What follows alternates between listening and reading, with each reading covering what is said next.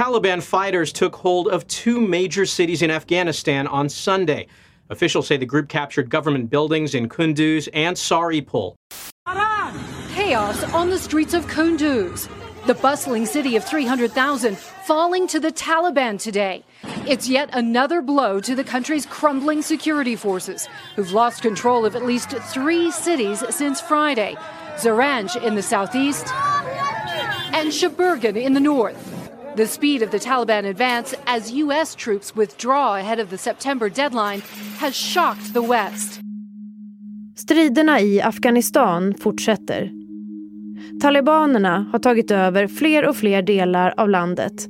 Bland annat flera provinshuvudstäder som ligger i norra Afghanistan. Det är nu den islamistiska talibanrörelsen har lyckats ta kontroll över större städer. Förut har de främst styrt i vissa områden på landsbygden i Afghanistan. Och nu efter 20 år har USA bestämt att alla styrkor i landet ska lämna Afghanistan. Och det tomrum som skapats när USA och andra länder lämnat Afghanistan har enligt många bedömare gett talibanerna ett tillfälle att expandera. Vad innebär det att talibanerna tar över allt mer? Hur ser grupperingarna ut i Afghanistan? Och hur påverkas civilbefolkningen? Vad kan kriget i landet leda till? Kommer vi att se flyktingströmmar? Och kommer omvärlden återigen gå in i Afghanistan? Du lyssnar på Aftonbladet Daily. Jag heter Amanda Hemberg Lind. Vi ska prata med Wolfgang Hansson, Aftonbladets utrikeskommentator.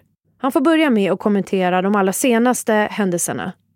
Ja, det har ju varit en dramatisk utveckling eh, bara den senaste veckan där talibanen har intagit flera provinshuvudstäder. Den senaste var ju Kunduz då i, i norra Afghanistan.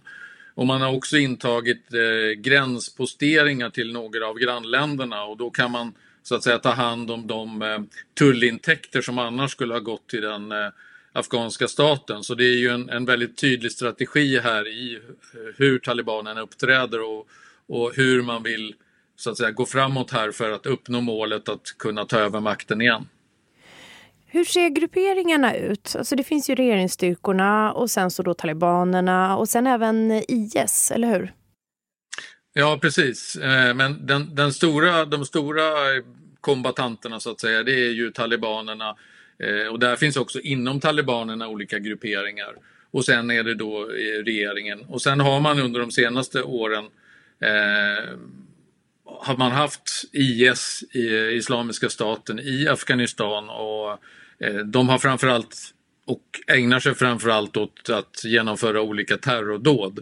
Eh, medan talibanerna mer så att säga, är, även om de inte är en reguljär armé så, så eh, är de mera ute på slagfältet och, och strider emot regeringssoldaterna och, och tidigare då mot NATO-styrkan.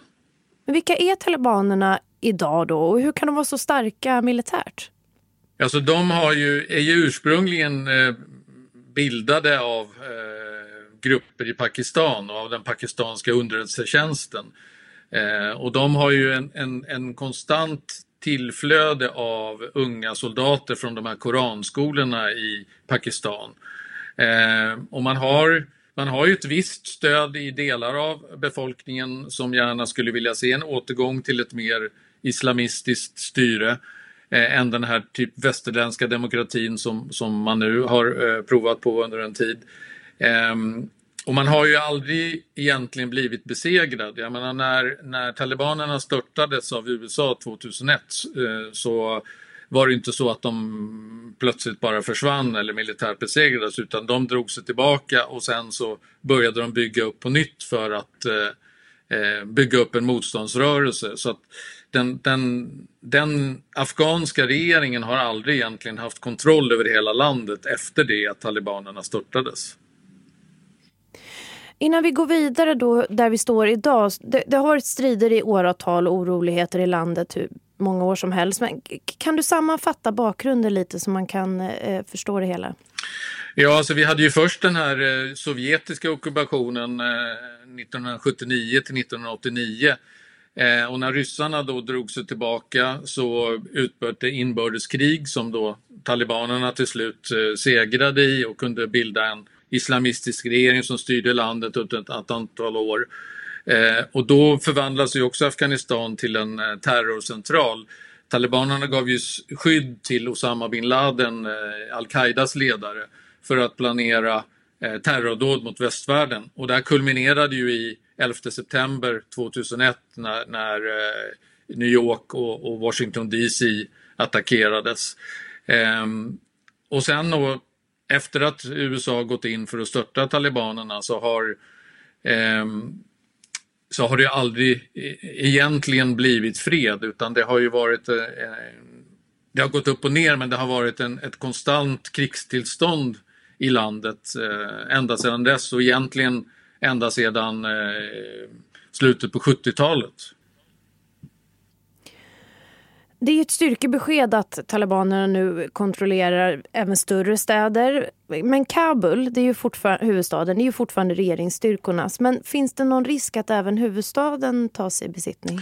Ja, det är klart att det finns. Eh, alltså, Pentagons militära experter eh, säger ju att eh, inom ett halvår så kommer talibanerna troligen att kunna inta Kabul. Och det beror ju på att den afghanska armén som ju har tränats, trots att den har tränats i 20 år och, och utrustats av USA och NATO, eh, är alldeles eh, för svag. De orkar inte stå emot. Det är många soldater som deserterar från armén. Eh, det är mycket pengar som försvinner i korruption. Eh, det finns liksom inte den här ideologiska motiva- motivationen som talibanerna har, den finns ju liksom inte på regeringssidan. Eh, och det gör ju att många fruktar att talibanerna ska kunna komma eh, till makten igen. Det är ju det är ingen naturlag som säger att de måste göra det, men om inte den afghanska armén eh, blir bättre på att bekämpa talibanerna så har jag svårt att se hur, hur de ska kunna hålla dem borta från Kabul i det långa loppet.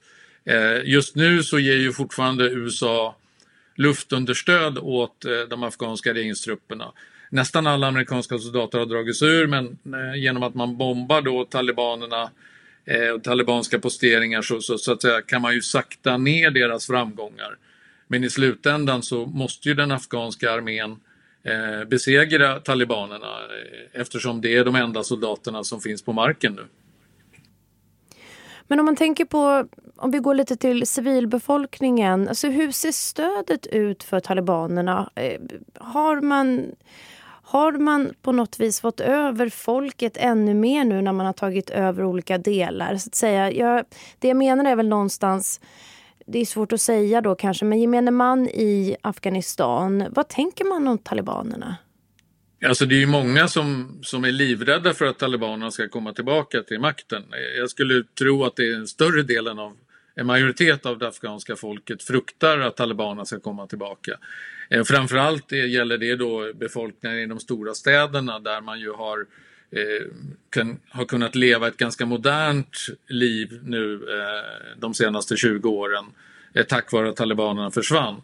För man ska ju komma ihåg att det var ju ett rent skräckvälde som de hade där eh, Eh, man piskade kvinnor som var otrogna, man eh, högg händer och fötter av eh, människor som anklagats eller hade dömts för stöld. Man förbjöd västerländsk musik, man förbjöd filmer. Man tvingade folk att be fem gånger om dagen, att alla var tvungna att ha långa skägg och så vidare. Så det var ju ett, en, en, en skräckdiktatur eh, på många sätt som, som de flesta inte vill ha tillbaka. Sen finns det ju ändå på landsbygden människor som lever ett väldigt traditionellt liv och som där islam har en väldigt central eh, roll och som ju kanske i grund och botten då eh, sympatiserar med eh, talibanernas mål att, att eh, göra Afghanistan till en islamistisk stat. Så att eh, Eh, visst finns det stöd i befolkningen men, men, väldigt mycket av stödet kommer också av en fruktan där man så att säga man eh, som man, vi ser nu sådana scener där eh, befolkningen hyllar talibanerna när de kommer in i städerna och tar över och sådär. Och det är ju människor som gör detta också för att de är rädda för att om de inte skulle göra det, att de skulle kunna uppfattas som motståndare och, och bli avrättade. För det, talibanerna de jagar ju alla som de tror är deras fiender och de eh, fängsla dem, avrätta dem. Det, det är liksom ingen pardon. Det var i våras som USA och även Nato meddelade att insatserna i Afghanistan ska avslutas. Alla amerikaner ska ha lämnat senast 11 september, meddelade Joe Biden. Även Sverige har bidragit med trupper i Afghanistan som nu lämnat. Det var runt tusen personer när det var som mest, men på slutet väldigt få. Nu när länderna har lämnat Afghanistan och talibanerna vinner mark, hur ser reaktionerna ut ute i världen? Vi ska höra Wolfgang Hansson igen. Ja, alltså omvärlden gör ju inte så mycket eh, annat än att man säger att vi, man vill försöka hålla liv i det civila biståndet. Men i och med att eh, USA och NATO drar tillbaka sin, har dragit tillbaka sina soldater och sitt militära stöd eh, så det var ju det, det, så att säga, den viktigaste insatsen som, som omvärlden gjorde i Afghanistan. Eh, att försöka hålla talibanerna stången eh, rent militärt.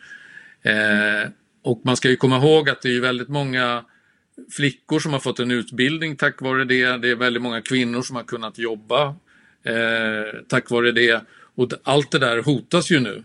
Eh, plus att eh, risken finns ju också att Eh, Eh, Afghanistan än en gång förvandlas till någon slags terrorcentral. Vi, vi, vet ju inte exakt hur ett, om nu talibanerna skulle komma till makten igen, hur deras styre skulle se ut då jämfört med tidigare. Men det skulle ju vara väldigt långt ifrån det som vi uppfattar som någon slags eh, önskvärd eller, eller demokratiskt styre. Liksom. Det, man, man kan ju frukta att det skulle bli i mångt och mycket en återgång till det som vi såg där och som vi sedan såg när Islamiska staten grundade det här kalifatet i, i delar av Syrien och Irak här 2014.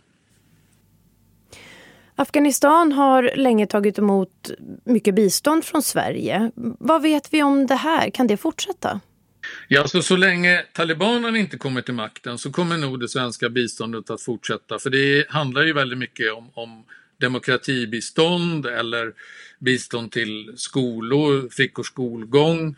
Eh, så att så länge, så länge eh, regimen som fördelar biståndet eller de organisationer man samarbetar med fortfarande eh, kan operera utan att inflytande från talibanerna så kommer biståndet att fortsätta. Men, men allt sånt här statligt bistånd som, som går till regimen det skulle ju försvinna direkt ifall talibanerna tar makten.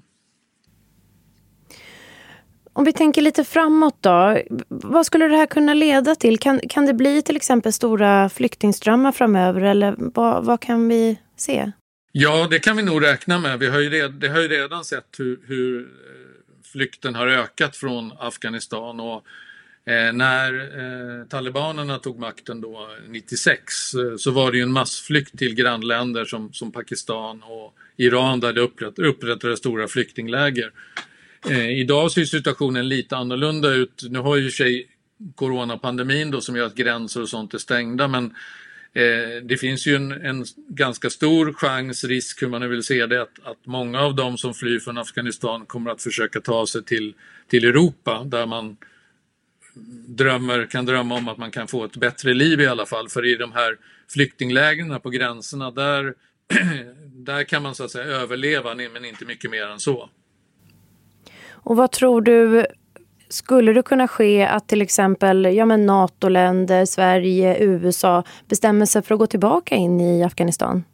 Ja, det, det, det skulle kunna ske om, om det är så att talibanerna kommer tillbaka till makten och beroende på hur de då agerar när de kommer tillbaka. Säg att de återigen eh, öppnar upp för att eh, organisationer som Al-Qaida eller IS kan verka där fritt för att planera terrordåd mot västvärlden då kan vi nog förvänta oss att, att eh, USA kommer att agera militärt. Men jag tror inte att vi kommer att få se en återgång till det vi har sett nu, det vill säga att man försöker bygga upp en demokratisk nation. Utan då kommer det mera handla om att, att, eh, så att säga, förstöra för talibanerna och förhindra att de kan agera utanför, utanför landet. Eh, men in, inte det här nation building som vi har sett nu. Tack så mycket Wolfgang. Tack. Sist här hörde du Wolfgang Hansson, Aftonbladets utrikeskommentator. Du har lyssnat på Aftonbladet Daily med mig, Amanda Hemberg Lind. Och vill du så får du hemskt gärna prenumerera på oss så att du inte missar några nya avsnitt. Tills vi hörs igen, hej då. Du har lyssnat på en podcast från Aftonbladet. Ansvarig utgivare är Lena K Samuelsson.